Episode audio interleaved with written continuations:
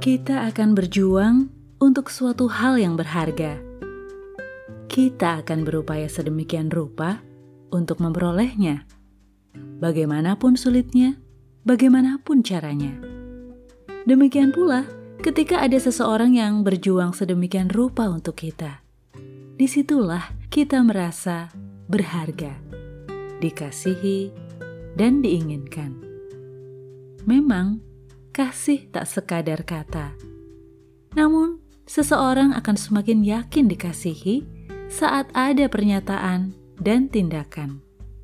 Kasih perlu ditunjukkan, sebab sering kali manusia lupa bahwa dirinya berharga.